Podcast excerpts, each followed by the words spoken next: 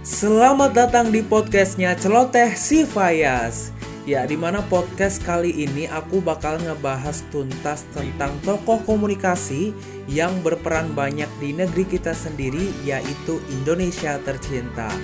Nah sahabat CSF, sebelum mulai podcastnya boleh dong kita kenalan dulu nih.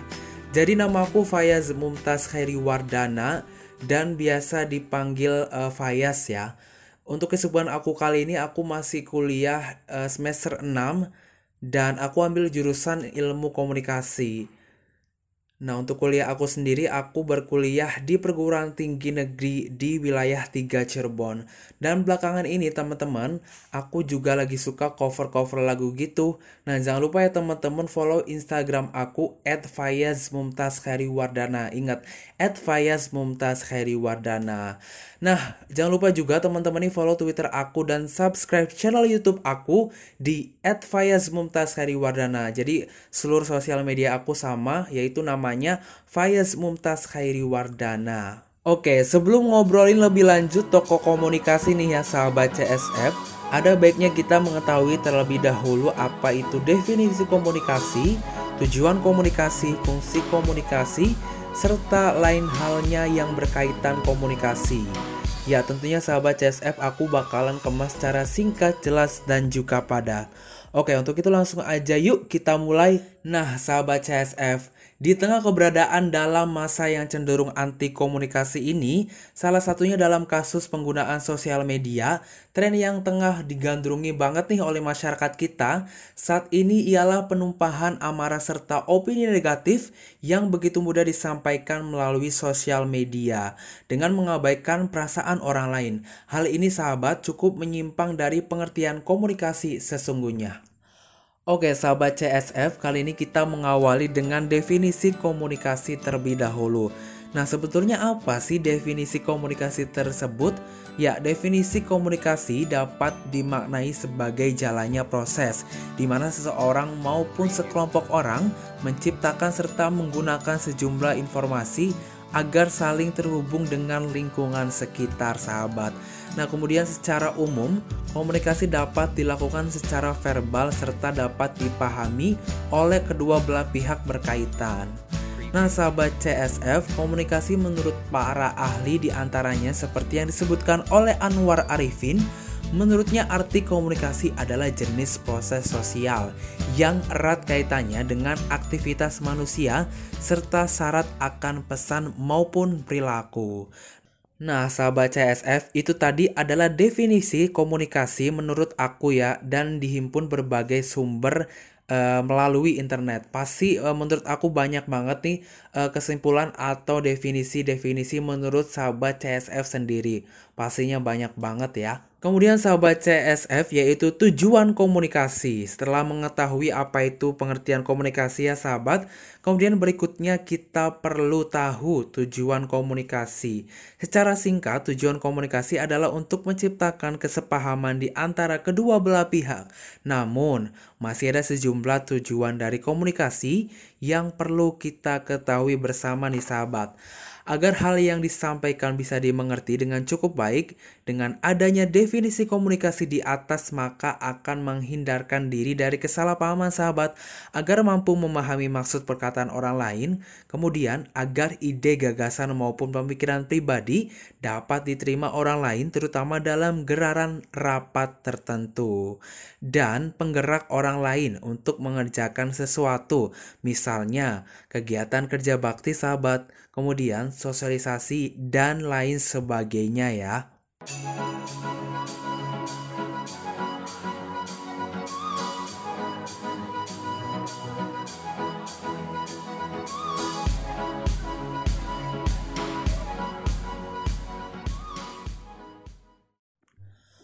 Lalu kita menuju fungsi komunikasi sahabat. Nah sahabat CSF, fungsi komunikasi juga dapat memberikan manfaat yang baik bagi uh, kita semua ya tentunya.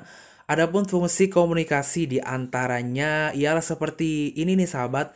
Yang pertama, yaitu untuk menyampaikan informasi sebagai pendapat agar dapat diterima oleh masyarakat luas atau yang berkaitan. Hal ini menghimpun informasi apa pun ya sahabat CSF. Kemudian yang kedua, yaitu sebagai untuk interaksi dengan orang lain. Pastinya kita dalam kesehariannya banyak sekali kita e, berinteraksi dengan orang lain, misalkan di supermarket, pasar tradisi pasar tradisional uh, kemudian sekolah juga sahabat. Uh, kemudian kampus juga. Nah kemudian yang ketiga sahabat untuk menambah wawasan dan ilmu pengetahuan akan sesuatu hal. Uh, kayak sima, uh, kayak semacam misalkan dosen lagi ngomong ataupun guru di sekolah yang sedang menyampaikan materi kepada muridnya. Kemudian yang keempat uh, pengisi waktu luang Misalnya dengan berbicara via telepon, chatting, sosial media, video call, dan sebagainya. Nah, mungkin aku juga nih lagi berkomunikasi melalui media sosial dengan media podcast sahabat. Jadi, uh, ini adalah termasuk juga uh, fungsi komunikasi ya sahabat CSF. Kemudian yang kelima yaitu sebagai cara untuk membujuk dan mempengaruhi orang lain. Biasanya, komunikasi semacam ini, sahabat CSF, banyak mengandung unsur-unsur persuasif. Nah, yang keenam, untuk dapat mengenal diri sendiri. Yang ketujuh yaitu guna mengurangi ketegangan atau mencairkan suasana, misalnya ketika ada pertikaian atau perselisihan pendapat dalam rapat tertentu, sahabat.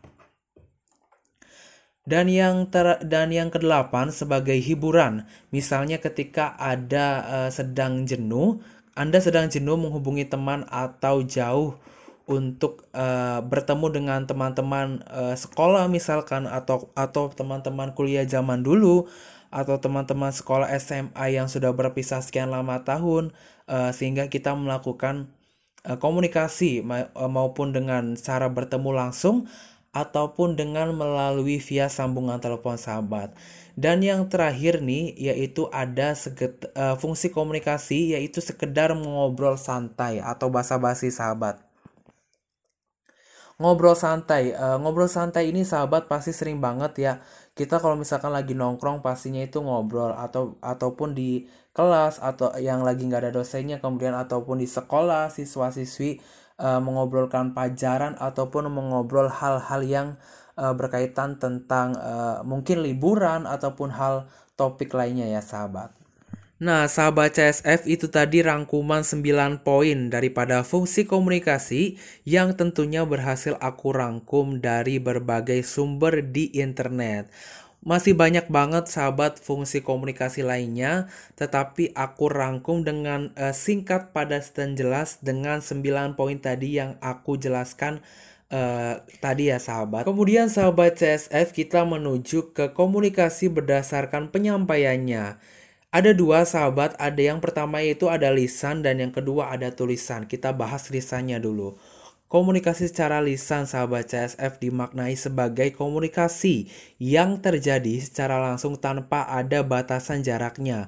Misalnya, dalam suatu rapat, wawancara, maupun percakapan biasa. Kemudian yang kedua sahabat ada komunikasi dengan menggunakan uh, penyampaiannya yaitu tulisan. Komunikasi secara tertulis merupakan jenis media komunikasi yang penyampaiannya dilakukan dalam bentuk tulisan. Misalnya nih sahabat, ada naskah, sepanduk, undangan, dan lain sebagainya. Lalu sahabat kita beranjak ke komunikasi berdasarkan tujuannya. Apa sih komunikasi berdasarkan tujuannya ini sahabat CSF? Ya, jika ditinjau berdasarkan tujuan, komunikasi dapat dikategorikan menjadi beberapa macam sahabat CSF misalnya pemberian saran, pidato pemerintahan, ceramah maupun wawancara. Konsep komunikasi semacam ini, sahabat, menekankan bahwa komunikator menjadi faktor penting dalam jalinan interaksi tersebut. Nah, sahabat, kemudian ada komunikasi berdasarkan ruang lingkup. Yang pertama yaitu ada komunikasi berdasarkan ruang lingkup secara internal, kemudian komunikasi ruang lingkup yang kedua yaitu secara eksternal. Kemudian komunikasi berdasarkan aliran. Itu ada apa aja sih sahabat? Ya, komunikasi yang pertama yaitu komunikasi satu arah, yakni komunikasi yang berasal dari salah satu pihak saja. Kemudian yang kedua ada komunikasi dua arah, yaitu komunikasi yang mempunyai sifat saling memberikan timbal balik. Kemudian ada komunikasi ke bawah, yakni komunikasi dari atasan dengan bawahan. Yang kelima yaitu ada komunikasi ke atas, yaitu komunikasi yang berasal dari seorang bawahan kepada atasan. Dan yang terakhir yang ketujuh yaitu ada komunikasi ke samping, yakni komunikasi yang terjalin di antara beberapa orang pada kedudukan setara. Nah, sahabat CSF itu tadi penjelasan definisi komunikasi, tujuan serta fungsinya ya sahabat. Nah, setelah kita menyimak apa tadi seluk-beluk uh, tentang komunikasi ya sahabat. Nah, sesuai janji aku nih sahabat, aku bakalan ngejelasin tokoh komunikasi yang sangat berpengaruh dari negara kita tercinta, yaitu negara Indonesia uh, yaitu nama tokonya ada Bapak Muhammad Alwi Dahlan. Nah, untuk mengetahui uh, siapa Bapak Muhammad Alwi Dahlan ini, yuk uh, kita simak biografi singkatnya terlebih dahulu nih sahabat.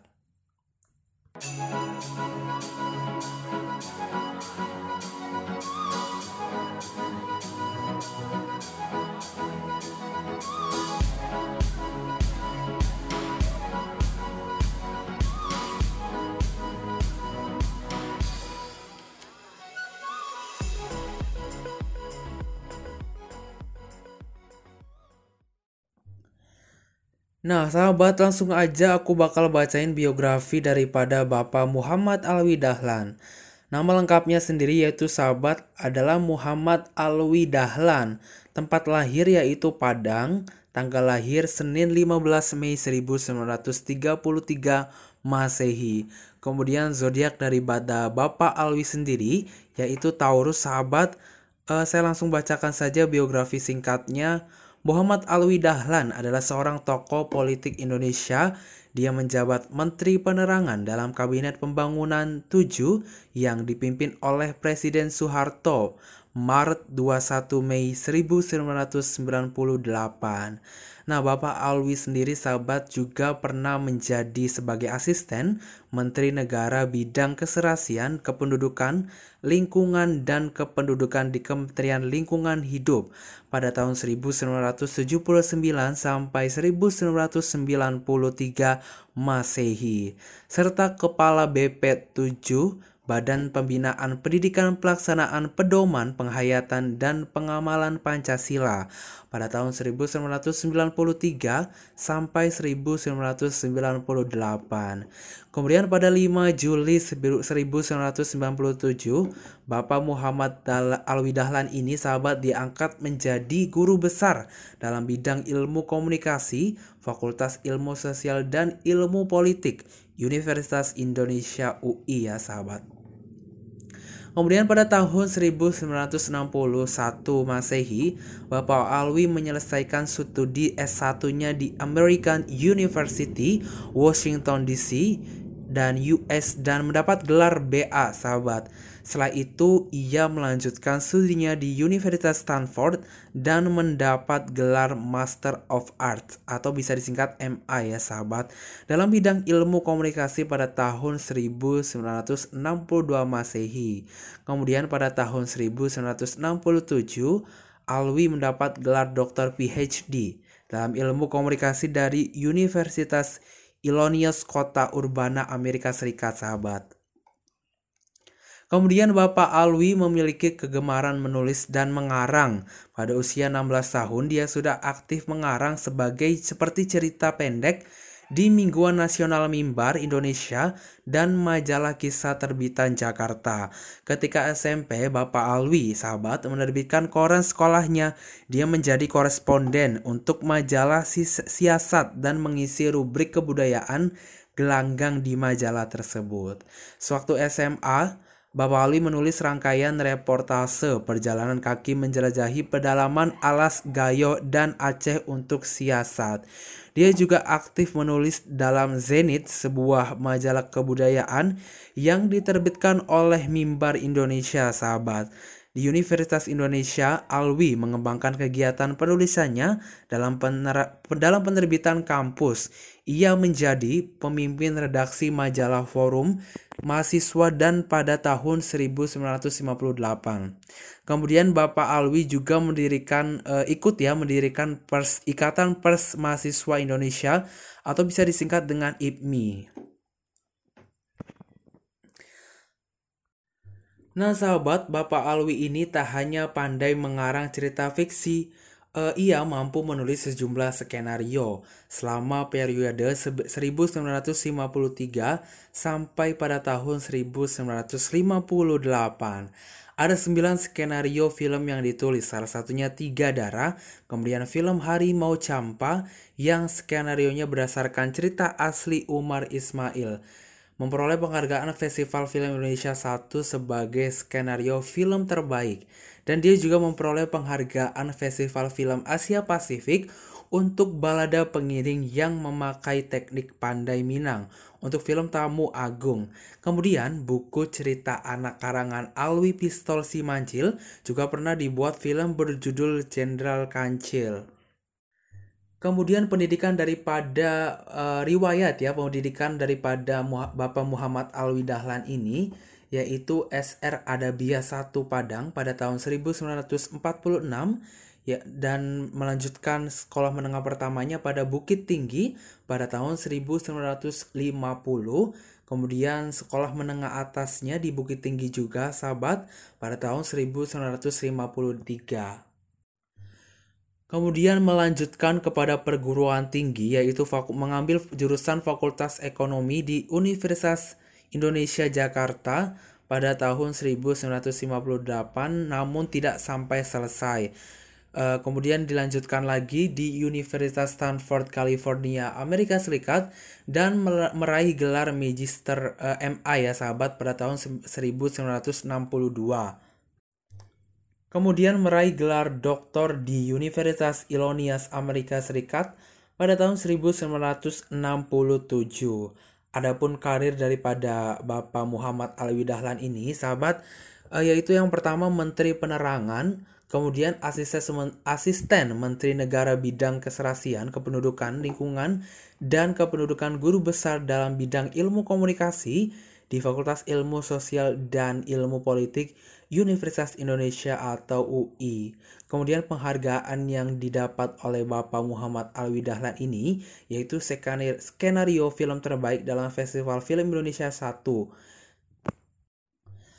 Nah, sahabat CSF ada uh, cerita yang patut kita hargai dan kita bangga ya kepada Bapak Muhammad Alwi Dahlan ini yaitu uh, pada tahun 1961 ia menyelesaikan studi S1-nya di American University Washington DC dan memperoleh gelar BA. Ia melanjutkan studinya ke Universitas Stanford dan mengambil gelar Master of Arts MA dalam bidang ilmu ilmu komunikasi ya sahabat pada tahun 1962 Masehi. Kemudian pada 1967 sahabat, Bapak Alwi ini meraih gelar doktor dalam ilmu komunikasi dari Universitas Illinois di kota urbana Amerika, Amerika Serikat dan menjadi orang Indonesia pertama yang memiliki gelar doktor dalam bidang tersebut. Wah, kita patut bangga ya pada tahun uh, eh, 1967 ini ada seorang uh, orang Indonesia, tokoh Indonesia yang sangat pintar sekali yang mampu sahabat uh, apa namanya memiliki gelar doktor pada bidang ilmu, ilmu komunikasi dan sekarang beliau menjadi guru besar di Universitas Indonesia. Nah, sahabat ada uh, satu kisah seru juga atau patut kita uh, contoh juga dari Bapak Alwi ini adalah keprihatinan dia. Ya, selama belajar di Amerika, Amerika Serikat itu Bapak Alwi harus berjuang keras untuk memenuhi kebutuhan uangnya, misalnya Bapak Bapak Alwi ini sahabat pernah menjadi penjaga malam di Gedung Kedutaan Besar Republik Indonesia atau bisa disingkat dengan KBRI di Washington DC. Wah, uh, Bapak Alwi ini dari dulu sangat mandiri sekali uh, rupanya ya sahabat. Kemudian Bapak Alwi ini juga sahabat hal yang menariknya beliau merupakan seorang pengarang. Saya bacakan sahabat, Alwi Dahlan yang masih merupakan ke keponakan daripada Usmar Ismail, yaitu tokoh perfilman Indonesia memiliki kegemaran menulis dan mengarang. Pada usia 16 tahun, ia sudah aktif mengarang antara, antara lain cerita pendek di Mingguan Nasional, Mimbar Indonesia, dan majalah kisah terbitan Jakarta. Ketika duduk di bangku SMP, Alwi menerbitkan koran sekolahnya. Alwi pun menjadi koresponden untuk majalah siasat dan mengisi rubrik kebudayaan gelanggang di majalah tersebut. Di bangku SMA, ia menulis rangkaian reportase perjalanan kaki menjelajahi pedalaman alas Gayo, Aceh untuk siasat.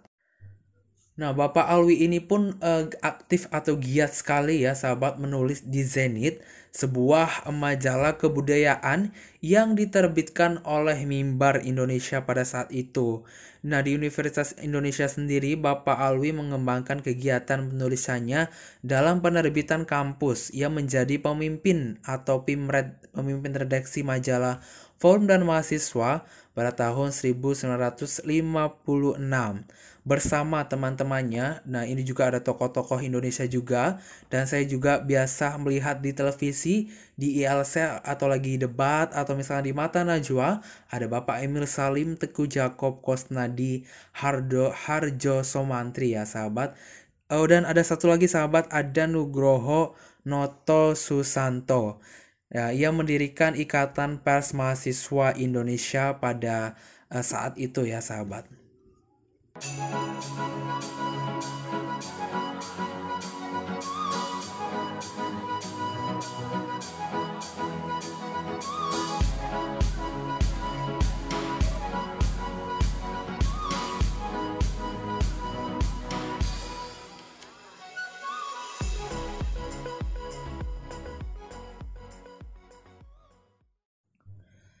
Nah, sahabat CSF langsung aja aku bakalan jelasin uh, bagaimana seorang Bapak Alwi Dahlan ini dari semenjak dia belum menjadi apa-apa uh, sehingga dia menjadi seperti sekarang ini yaitu menjadi tokoh kebanggaan dalam hal komunikasi di negara Indonesia ya sahabat.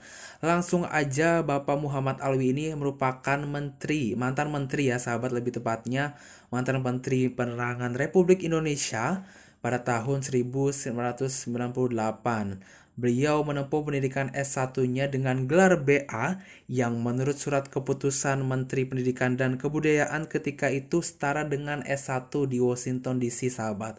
Untuk membiayai kuliah pria kelahiran Padang ini, Padang Sumatera Barat 15 Mei 1933 ini bekerja sebagai penjaga malam di Kedutaan Besar Republik Indonesia sahabat.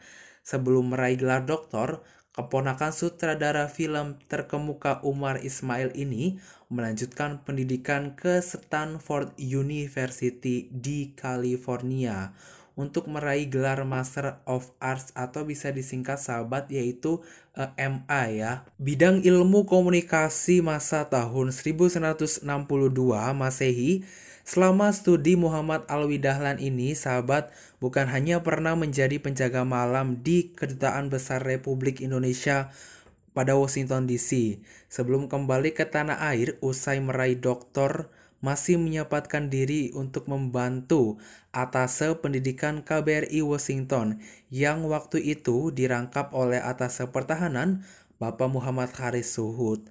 Dan sewaktu akan pulang ke tanah air, Bapak Haris Suhud berkenan mengajak Alwi agar membantu markas besar Angkatan Darat atau bisa disingkat MBAD sebagai tenaga ahli yang lalu dilakoninya sepanjang pada tahun 1968 hingga 1970. Bapak Harisut ini sahabat merupakan Mayor Jenderal TNI Angkatan Darat terakhir menjabat terakhir menjabat sebagai Ketua MPR eh, dan DPR RI. Bapak Alwi Dahlan adalah orang Indonesia pertama yang menggondol gelar doktor ilmu komunikasi dari Amerika Serikat bidang komunikasi Kiblat dari Amerika adalah bidang baru yang luas pengertian dan definisinya, sahabat, dari ilmu jurnalistik maupun publistik yang berkiblat ke Jerman. Sehingga tak mengherankan pada waktu itu komunikasi massa belum begitu dipahami di Indonesia sehingga keahlian ilmu komunikasi Bapak Alwi belum serta-merta memperoleh ruang kerja yang jelas.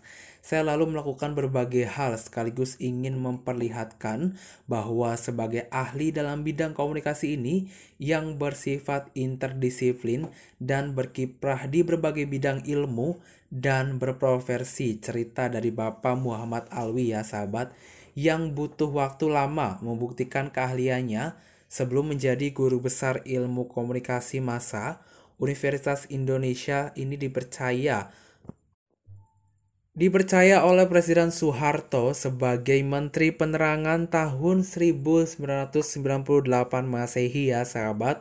Walau hanya beberapa tahun beberapa bulan antara Maret hingga 21 Mei 1998 sesu sesuai umur jagung ya sahabat, kabinet terakhir Pak Harto sebelum mengundurkan diri Posisi Menteri Penerangan adalah pembuktian akan kualitas kedoktoran pakar ilmu komunikasi daripada Bapak Muhammad Alwi Dahlan ini ya, sahabat. Kemudian merintis Bapak Muhammad Alwi Dahlan ini, yaitu putra daripada Dahlan Syarif Datu Junjung, seorang bupati pada kantor Gubernur Sumatera Tengah di alma maternya Visip sejak FISIP ya sahabat sejak tahun 1969 hingga pada tahun 1992 hanya bisa dipercayai sebagai dosen luar biasa alias dosen tidak tetap. Ia harus merintis antar Eh, menerka beberapa bidang kegiatan yang pada waktu itu dianggap masih baru di Indonesia. Seperti antara pada tahun 1969 sampai 1971 ia menerbitkan dan menjadi pemimpin umum mingguan CAS sebuah mingguan yang berkala berita yang pertama tampil dalam bentuk tabloid. Ia juga mendirikan Institute for Social, Commercial, and Opinion Research in SCORE Indonesia, sebuah lembaga riset masalah komersial dan pendapat umum swasta yang pendapat umum swasta maksudnya sahabat pertama di Indonesia. Eh, Bapak Alwi mendirikan pula Inscore Adcom, sebuah perusahaan jasa komunikasi total dan public relation PR pertama di Indonesia. Wah, luar biasa sekali rupanya uh, daripada Bapak Muhammad Alwi Dahlan ini. Sebagai dokter ilmu komunikasi, masa pertama Indonesia pada lulusan Amerika Serikat, banyak hal yang baru yang untuk pertama kalinya dirintisnya. Sebelum akhirnya mulai mapan berkiprah di pemerintahan saat Emil Salim tahun 1978, resmi mengajaknya bergabung sebagai asisten menteri. Emil Salim ketika itu diangkat Pak Harto menjadi Menteri Pengawasan Pembangunan dan Lingkungan Hidup atau bisa atau bisa sahabat disingkat menjadi PPLH ya. Maka jadilah Alwi Dahlan tercatat sebagai asisten Menteri KLH sepanjang tahun 1979 hingga pada tahun 1993 atau antara era Emir Salim hingga Sarwono Kusuma Atmaja kepada Alwi, Emil Salim membebankan tugas membantu merintisnya pengembangan bidang yang masih sangat baru di Indonesia pada saat itu, yaitu pengawasan pembangunan dan lingkungan hidup.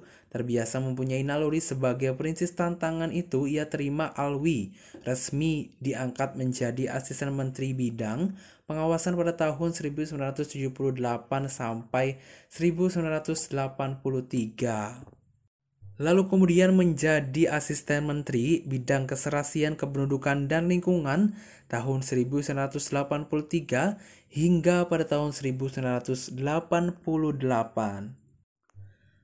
serta menjadi asisten Menteri Bidang Kependudukan tahun 1988 hingga pada tahun 1993 di bawah Emir Salim dan Sarwono Kusuma Atmaja. Hingga tahun 1990 kepada Alwi Dahlan masih diserahi tugas dan tanggung jawab kampanye kesadaran lingkungan hidup. Kemudian antara lain berhasil menelurkan kebijakan pemberian penghargaan tahunan Kalpataru Neraca Lingkungan Daerah dan berbagai kebijakan lingkungan hidup lainnya. Untuk semua pengabdiannya yang tercatat hingga saat itu, Presiden Soeharto menganugerahi Alwi Dahlan penghargaan bintang jasa utama yang disematkan oleh Pak Harto pada 17 Agustus 1994. Penulis skenario, penulis skenario selain pakar dan guru besar komunikasi masa ini, pejabat Kementerian Lingkungan Hidup, mantan wakil kepala BP7, dan Menteri Penerangan banyak sisi menarik lain kehidupan Alwi Dahlan yang belum pernah ke permukaan dalam usia muda 16 tahun misalnya. Pria menamatkan pendidikan SR di Padang pada tahun 1946, sedangkan SMP-nya pada tahun 1950 dan SMA-nya pada tahun 1953. Keduanya di Bukit Tinggi. Bapak Alwi ini sudah menunjukkan bakat yang luar biasa. Ia ketika itu sudah aktif mengarang cerita di majalah kisah dan mimbar Indonesia terbitan Jakarta. Di koran lokal sendiri, pada Nipo dan Detik terbitan Bukit Tinggi, ia malah hanya sesekali menulis duduk di bangku SMP di Batu Sangkar. Ia sudah menerbitkan sendiri lokan kolan sendiri. Pada Nipo dan Detik terbit Bukit Tinggi, ia malah hanya sekali menulis duduk di bangku SMP di Batu Sangkar, ia sudah menerbitkan sendiri koran lokal sekolah di Mimbar Indonesia ya sahabat.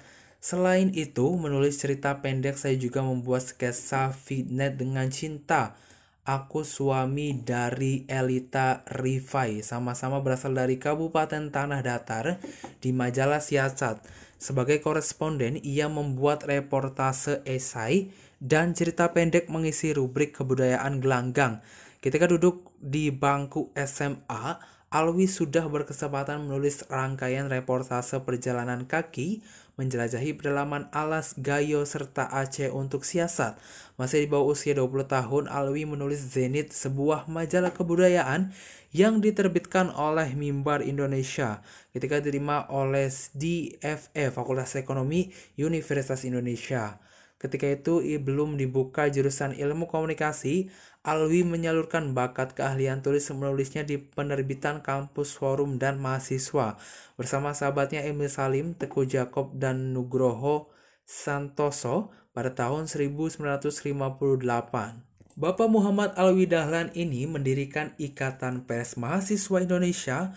Bakat kepengaruhan putra Padang Panjang ini boleh dikata menurun dari pamannya yang bernama Usmar Ismail, sutradara film terkemuka yang juga dikenal sastrawan pada angkatan tahun 45 Masehian ya sahabat, Alwi Dahlan pernah mencatat prestasi gemilang menulis 9 skenario film sepanjang tahun pada tahun 1953 hingga pada tahun 1958.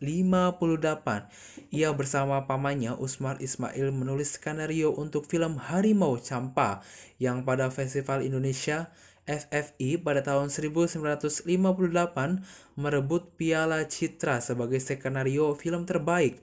Demikian pula untuk film Tiga Darah Kancil dibuat justru berdasarkan novel karangan Alwi Dahlan berjudul Pistol Si Kancir terbitan Balai Pustaka Alwi Dahlan. Ketika masih disibukkan tugas-tugas eksekutif di pemerintahan terakhir menjabat wakil kepala BP7 sebelum diangkat menjadi Menteri Penerangan oleh Pak Harto dan masih menyempatkan diri mengembangkan diri di bidang ilmu komunik ilmu komunikasi massa sebagai akademisi menjabat menjabat ya sahabat guru besar Fakultas Ilmu Sosial dan Ilmu Politik Universitas Indonesia. Ia banyak diminta berbicara dalam berbagai seminar baik dalam negeri maupun di luar negeri seperti Amerika Serikat, Kanada, Jepang, China, Singapura, Malaysia, Filipina, India, Pakistan, Rusia, dan lain-lainnya. Ia akhirnya tergolong sebagai pembicara seminar yang laris. Berbeda ketika ia masih harus menjelaskan posisi dan peran ilmu komunikasi massa sebagai ilmu yang baru di Indonesia. Tentang istrinya, Elita Rifai, sama-sama asal Kabupaten Tanda Datar, Sumatera Barat, ia dikatakan diketemukan di Jakarta. Ceritanya waktu saya di Amerika beberapa tahun sebelumnya, Pulang saya lihat melihat wajah Elita dalam foto di antara banyak orang. Waktu pulang saya mencarinya sampai dapat di Jakarta. tutur Alwi Dahlan yang selalu berpenampilan tenang dan simpatik dengan tutur bahasa santun dan juga bersahaja. Nah itu saja sahabat CSF yang bisa dapat saya sampaikan pada podcast To Inspire pada kali ini. Semoga bisa bermanfaat dan menambah wawasan bagi sahabat CSF yang mendengarkan tentunya. Dan jangan lupa follow Instagram saya at Twitter juga at dan juga Facebook at. Dan jangan ketinggalan pula sahabat, subscribe channel YouTube saya Faya Suntas Heriwardana. Akhir kata dari saya, mohon maaf bila ada salah kata.